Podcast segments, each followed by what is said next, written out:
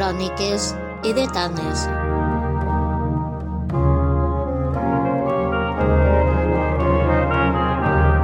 El podcast del Camp de Túria.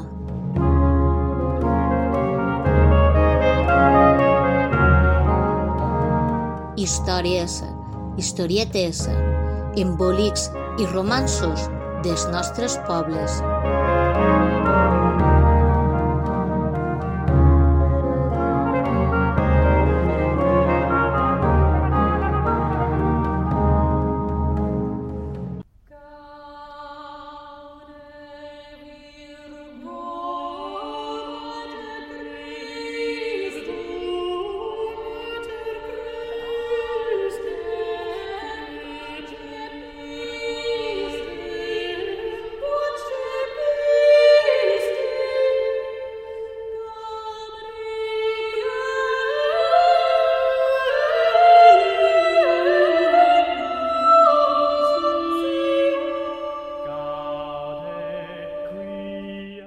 De les 14enes jornades d'història local de la Pobla de Vallbona, el filòleg Joan Benlloc presenta una comunicació titulada El patrimoni religiós de la Pobla, el tresor de Sant Jaume i els primers documents de l'ermita de Sant Sebastià.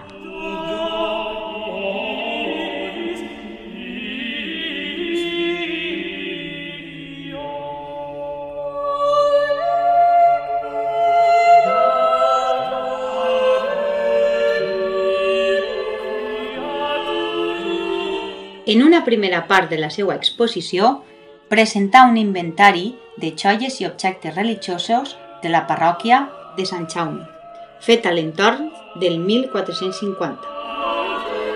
En un primer moment, explicà la gestió d'aquests béns per part dels jurats de la Pobla, responsables d'aquest patrimoni local.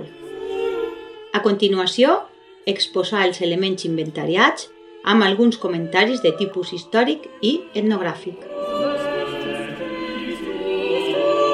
Al segle XV, Sant Jaume, el titular d'aquesta parròquia, encara no era el Matamoros actual, sinó el Sant Pelegrí amb sandàlies, bastó i petxines, tal com apareix en la magnífica taula gòtica de Reixac que es conserva al temple. Per això, sentirem a continuació l'himne d'un pater familias, el cant dels pelegrins de Sant Jaume, del Còdex Calixtinus, datat al segle XII.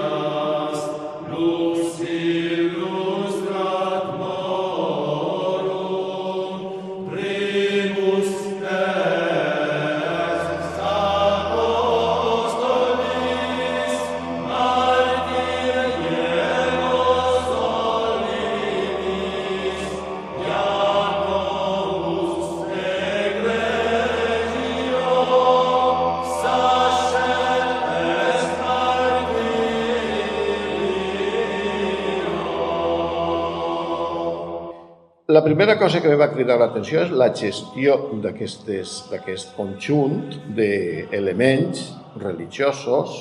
La major part d'ells eren el que avui diríem joies, però no tot eren joies. Bé, aquestes, aquests elements és la gestió, és a dir, vosaltres sabeu que en, les esglésies una de les coses que més crida l'atenció quan aneu és que se fan celebracions litúrgiques i en les celebracions litúrgiques n'hi ha tota classe de, de coses daurades, de coses precioses d'or, de, de, de perles, de, de vestits luxosos, de, bueno, així especials, en fils d'or i coses d'aquestes. I tot això és, és un, un conjunt de, de, en fi, el que en aquella època deien joies. Però imagineu-vos la Pobla de Vallbona, 1450, hi ha un retorn, bueno, 1449, perquè veig que esteu mirant, 1449 eh, hi ha un retorn que li diuen Pere Ferrandis, aquest home acaba el seu període en la Pobla i ve un nou retorn, que és Pere Castell. La cosa més lògica, des del nostre punt de vista d'avui, seria que Pere Ferrandis, quan se'n va, li presenta a Pere Castell, que és el seu successor, li presenta una nòmina, un, un escrit, i aquell signa, com volen dir, totes aquestes coses estan en la parròquia. Doncs no, no funcionava així. La gestió era d'una altra manera.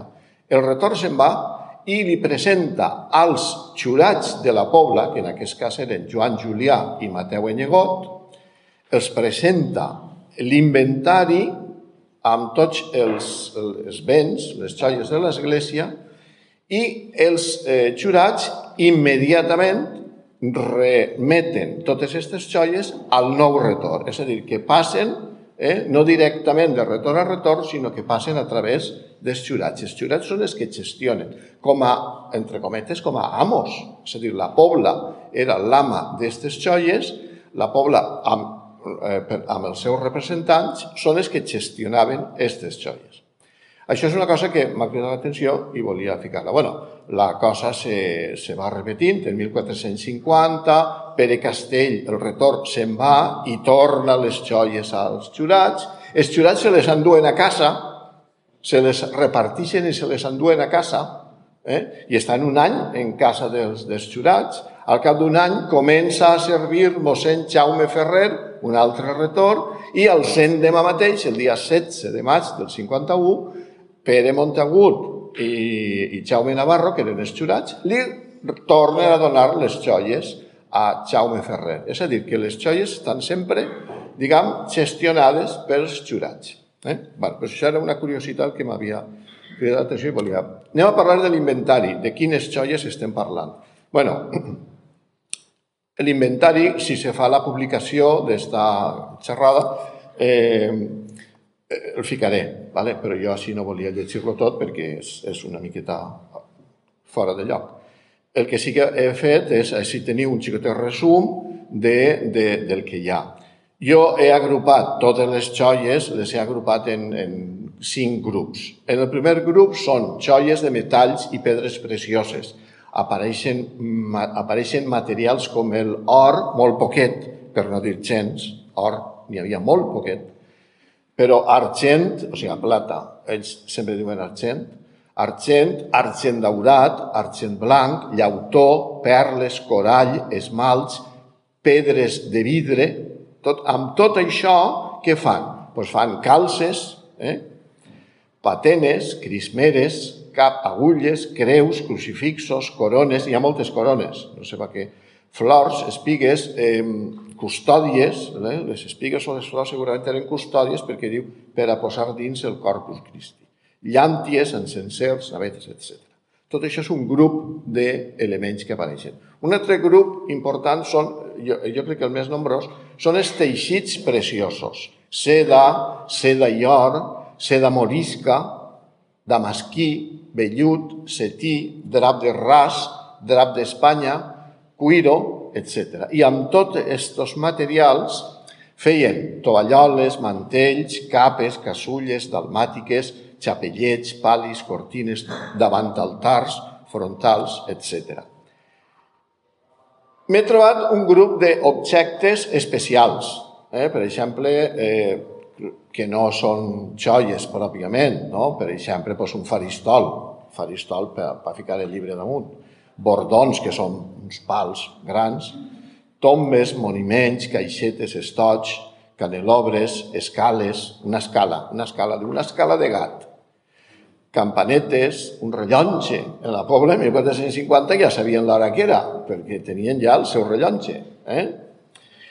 I un altre grup són llibres i missals, lògicament, epistolers, que sempre, en el document, sempre, sempre fica pistolers. Eh?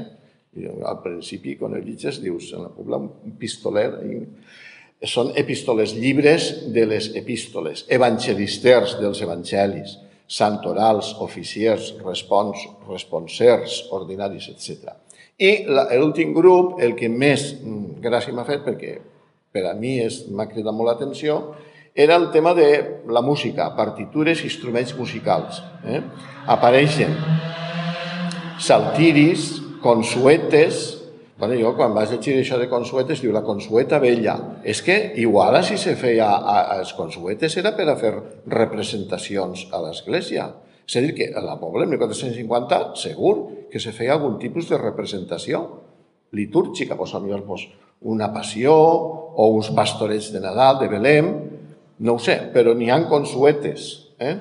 Eh, quaderns de cant pla eh, santoral notat, és a dir, notes de música, són, són partitures, el que avui diríem partitures, quaderns de cant d'orgue i sobretot orgues. Però no penseu en l'orgue de Notre Dame, penseu en este orgue que teniu ahí, eren eh, cosetes molt xicotetes, eh, eren instruments molt xicotets, amb llor d'un parell d'escales, i, i, i, i eren transportables completament, perquè, per exemple, n'hi ha un ítem que diu tres orgues esclafats, o sigui que s'esclafaven, però es deixaven, ja. i després apareix uno, diu un orgue, és a dir, que anaven fent. Eh, comentaris sobre el tema este. Eh, simplement dir que, per exemple, n'hi ha un ítem que vos el llis complet perquè val la pena escoltar-lo. Diu, una creu d'argent daurada amb son crucifici que pesa 10 lliures i 5 onces, amb cordons de seda verds i vermells, amb deu esmalts grans, amb les armes, vol dir amb l'escut, eh, del comte de Luna, de Sant Jaume i de Portaceli. Eh? És a dir, els tres eh, poders, eh, d'alguna manera, que havia, que havia en la pobla, que era el poder de, dels comtes de Luna, que eren els senyors de, del poble, eh, Sant Jaume, que era l'església, i Portaceli, que eren els que anaven ficant i llevant, els que gestionaven l'església. Eh? Eh, val. Eh, Benaguasil, n'hi ha una altra cosa que m'ha cridat molt l'atenció perquè n'hi ha un ítem que diu un mantell vermell de combregar que era de Benaguasil. Què vol dir això? Que, jo què sé, se pot interpretar de moltes maneres, però una de les maneres que és possible és que, com que l'Església de la Pobla fon un trasllat de Benaguasil així, en aquest trasllat s'endurien, quan feu un trasllat s'endugueu tot, no? Pues quan se feu el trasllat de l'església de Veneració de la Pobla, s'endurien les coses que necessitava l'església. I segurament en 1450 encara devia quedar un drap de mm, vermell de Benaguasil. Eh, també és curiós les advocacions que apareixen, el Jesús, la Verge Maria, el Lignum Crucis, la salutació, no diuen l'anunciació, diuen la salutació l'adoració dels Reis d'Orient, l'ascensió Sant Jaume, Sant Miquel apareix molt i Sant Onofre. bueno, fins així, eh, bueno, i després n'hi ha més comentaris, eh, apareixen un retaule en l'església de la Pobla, un, un retaule, i després parla de lo retaule xic, és a dir, que hi havia dos retaules en la, en la, no sé si, a veurem si me dona temps de veure, veuríem estos retaules al final. Bueno, un mantell de la Verge Maria vol dir que havia una estàtua, crec jo, eh, és la meva interpretació, una estàtua i li ficaven un manto, a la, o, eh, dic jo. L'altar de Santa... Només se parla de dos altars, eh? l'altar de la Verge i l'altar de Sant Jaume. Els llibres que vos he dit, alguns eren verdaderes meravelles. Diu, un oficier gran amb cobertes forrades de cuiro de cèrvol. Imagineu-vos el cuiro, la pell. Eh? Amb llandes de ferro, així tal qual, amb una perla, que seria de veritat, lo qual, com, bueno, tal. Hi havia una Verònica, ho dic perquè per ahir va circulant el, la bifaz esta, que és una Verònica, d'alguna manera també se diu, bueno, pues ja en 1450 se parla de l'església de la Pobla, una Verònica pintada en pergamí. No està pintada en fusta, com la que coneixem avui, però és una pintada en pergamí. I després el conjunt de música instrumentals eh, apareixen molts, molts cants i moltes coses que per a mi són una novetat.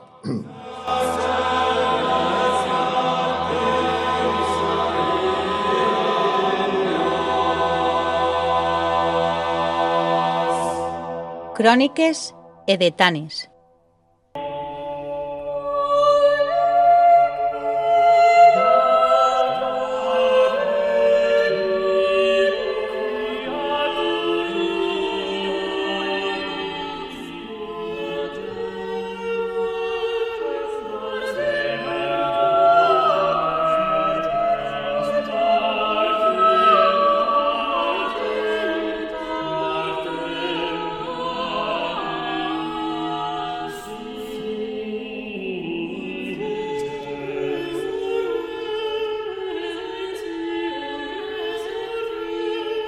La segona part es centra en l'exposició d'una sèrie de donacions testamentàries, documentades entre el 1450 i el 1456. Aquestes dades confirmen les hipòtesis d'alguns estudiosos, com Sartou o Sanchís Sibera, els quals suposaven que aquesta ermita era del segle XV. Els documents confirmen que les obres es van realitzar entre el 1452 i el 1456 i, dos anys més tard, es feu la casa dels ermitans.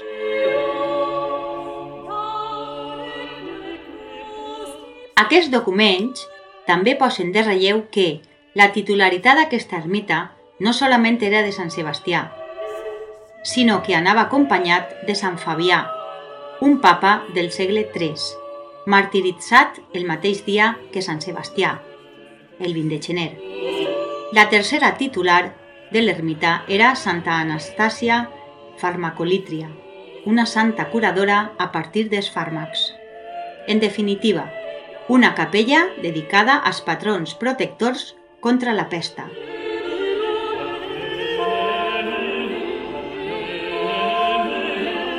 A continuació, podem sentir esgotxos a Sant Sebastià, en una versió popular recollida a Vinaròs, on també té una famosa ermita. Màrtir sant molt singular, implorant vostra clemència.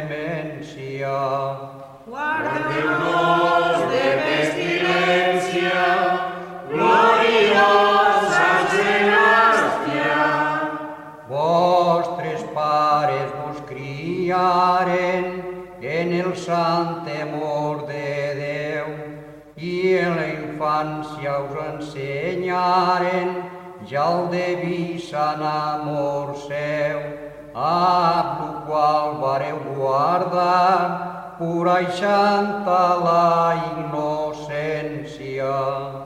Guardeu-nos de pestilència, gloriós Sant Sebastià.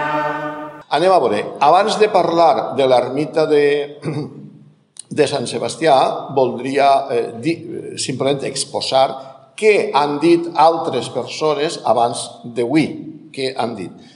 Mireu, cap al 1900, un, un, historiador, que li diem Pere Usías, va dir, va escriure, no muy lejos del caserío de las ventas se halla la ermita de San Sebastián, que es un edificio sencillo, con un solo altar, y esta es la primera iglesia que tuvo la población de la Puebla de Vallbona, en la cual se congregaban los fieles para oír misa. No se sabe de qué año era. Bueno, després Sánchez Ibera, un, de la, més o menys de la mateixa època, cap al 1922, diu, este home diu molt poquet, però el poquet que diu és perfecte, diu, en el Calvario existe una ermita dedicada a San Sebastián, obra del siglo XV, és el primer que ho diu, eh? que guarda un magnífico retablo de aquella época, siglo XV, muy bien conservado. Mireu el que diu ell i ara comparem el que diu Carles Arteu, que és contemporani d'ell, completament contemporani. Diu, la ermita de San Sebastián, que ocupa la parte alta del Calvario, más allá de las ventas, es un edificio gótico. ¿Vale? Es el primer que parla de gótico. Con techumbre de barraca, dos aigües, restaurada, sostenida por tres arcos apuntados. I continua Carles Artou descrivint el tríptic de Sant Sebastià. Eh? I diu, l'autor d'esta obra, del tríptic, de San Sebastián, diu, debió ser un maestro maravilloso de comienzos del siglo XV.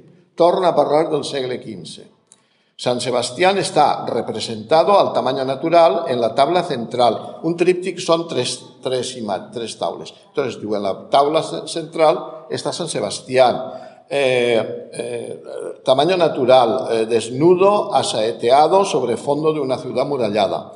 A derecha e izquierda aparecen otras dos tablas de igual tamaño representando un santo pontífice. Un santo pontífice.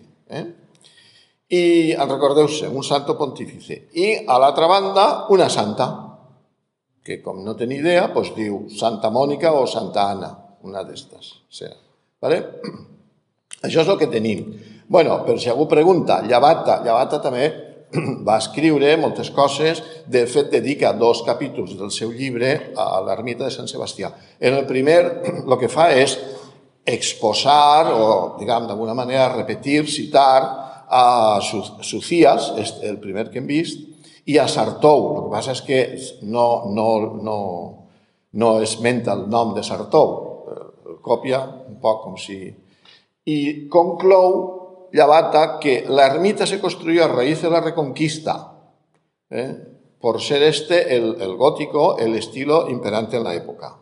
Bueno, després esmenta una sèrie de documents parlant de l'ermita, dins de l'ermita, eh, i, i s'embolica entre l'església de les Ventes i l'ermita de Sant Sebastià, les emboliques dos, les dues esglésies. Bueno, i el segon capítol, eh, que jo vos recomano vivament la seva lectura, se diu Origen mitológico de la ermita de Sant Sebastià. Vale. Ho llegiu i ja està. I ara venen els documents. Anem a parlar dels documents que jo he transcrit i, i, i apareix. Ahir, no sé si ho podeu veure, però en, bé, en la quarta línia, per exemple, diu Sant Fabià, Sant Sebastià e Verge Santa Anastàcia. Bé, ara parlarem de, de tot això. Anem a veure els documents.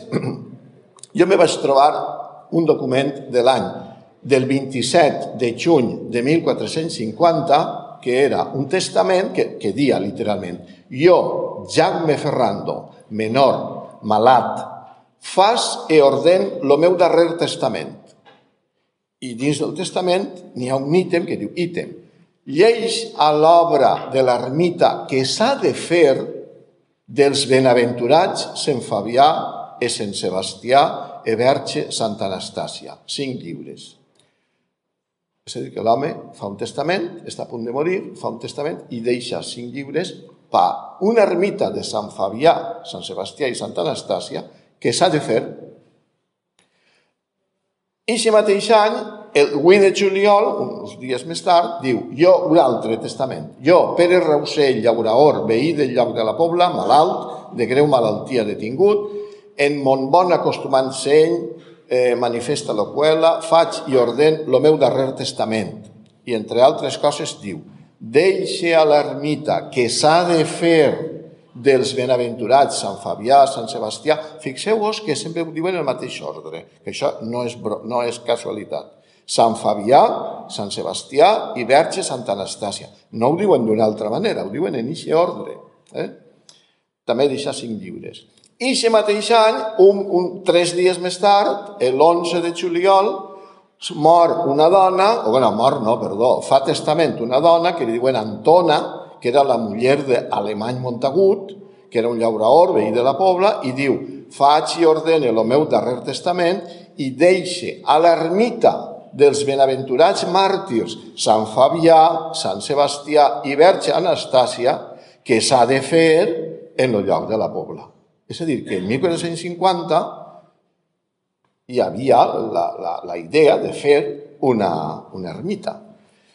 Arribem a l'any 51, 1451, el dia 18 de gener, eh, fa testament un home que li diuen Jaume Ferrando, major, i diu, deixe als benaventurats Sant Fabià, Sant Sebastià i Verge, Santa Anastàcia, igual, cinc sous. I afegeix, si es farà l'ermita. Ves a saber si es fa. Eh? Però si es fa, doncs ho deixa.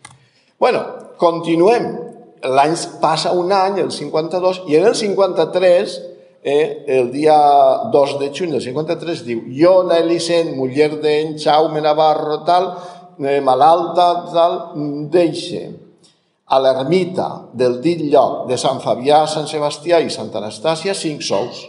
Així ja no diu que s'ha de fer, ni si es farà, es deixa. Es deixa a l'ermita. ¿vale? Això en el 53. En el 54, una altra persona diu, no, dos persones que fan el testament juntes, diuen, deixem a l'ermita, deixem a l'ermita, eh? de Sant Fabià, Sant Sebastià i Santa Anastàcia, del dit lloc, cadascú tres sous, tres sous cada un, o sigui, sis sous.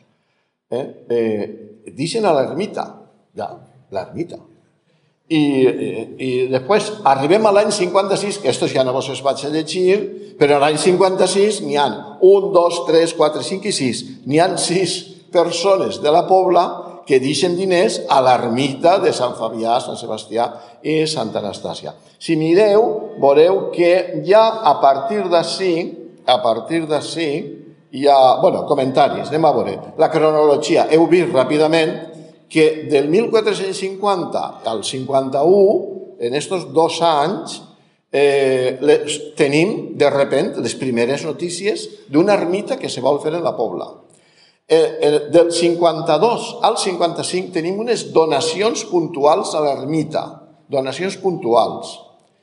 En el 56 tenim una acumulació de donacions. En un any se fan moltes donacions juntes.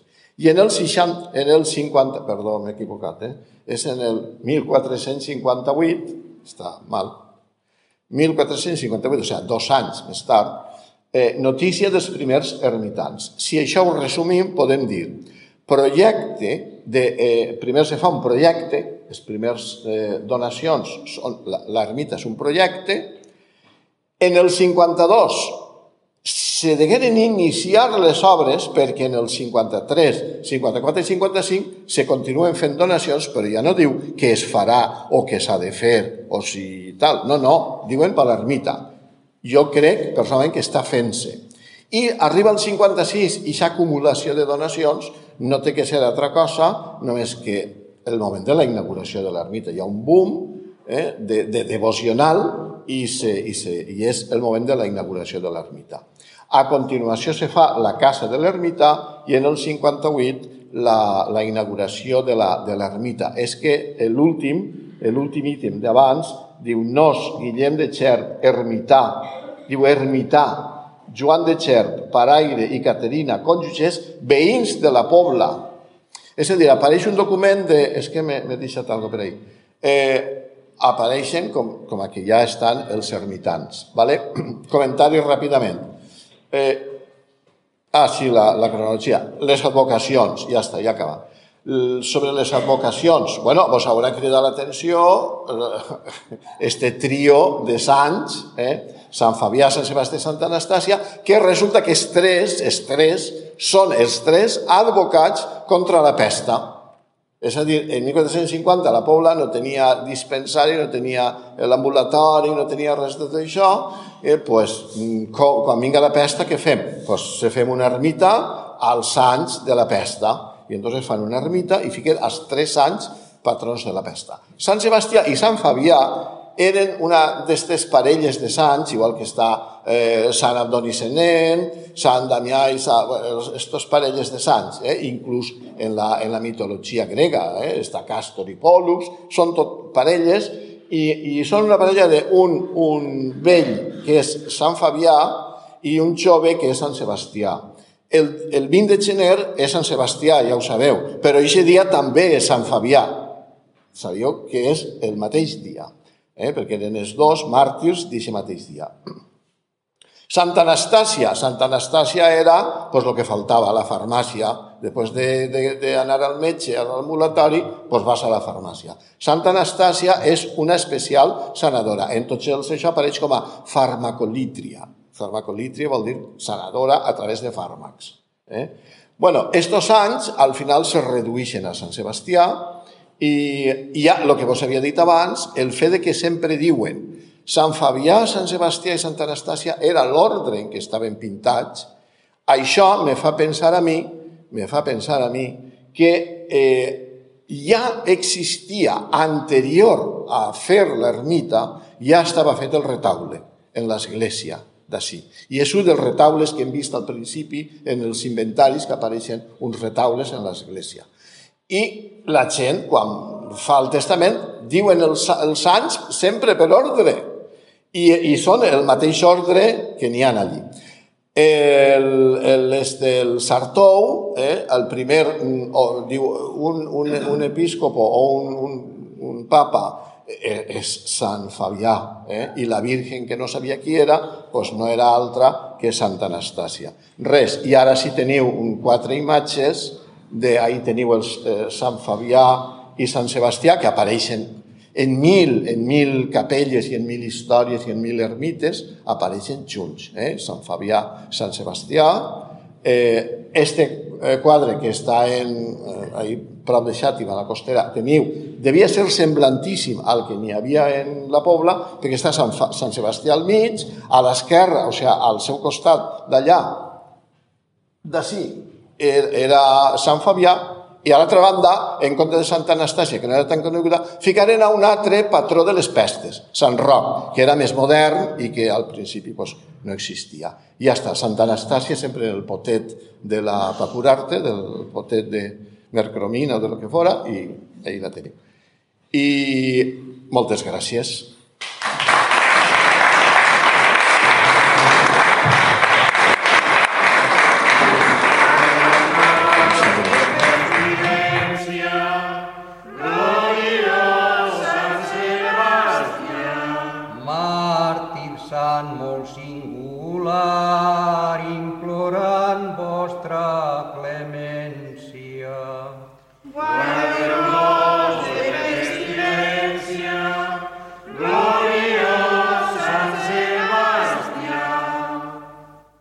Fins ací un nou programa de Cròniques Edetanes. Agraïm al Centre d'Estudis Locals i a l'Ajuntament de la Pobla de Vallbona la gravació d'aquest programa en el qual hem anat escoltant diversa música de la que ja vos hem documentat. Sols afegir que les narracions de Neus Domínguez estaven acompanyades de la cançó Gau de Virgo Mater Christi, una de les peces amb més fama del segle XV. I per això aprofitem per acomiadar-nos amb versos del gran Ausiàs Marc, el poeta de la Safon i coetani de l'època. Ho fem amb una gravació de Raimon de l'abril de 2006 a la Pobla de Vallbona precisament, l'última realitzada al Camp de Túria, en la xira de l'acomiadament dels escenaris del cantant de Xàtiva. Com sempre, la sintonia del nostre programa l'agraïm als ministrers de Màrcies de Cime Galdú. Als nostres webs trobareu els enllaços pertinents.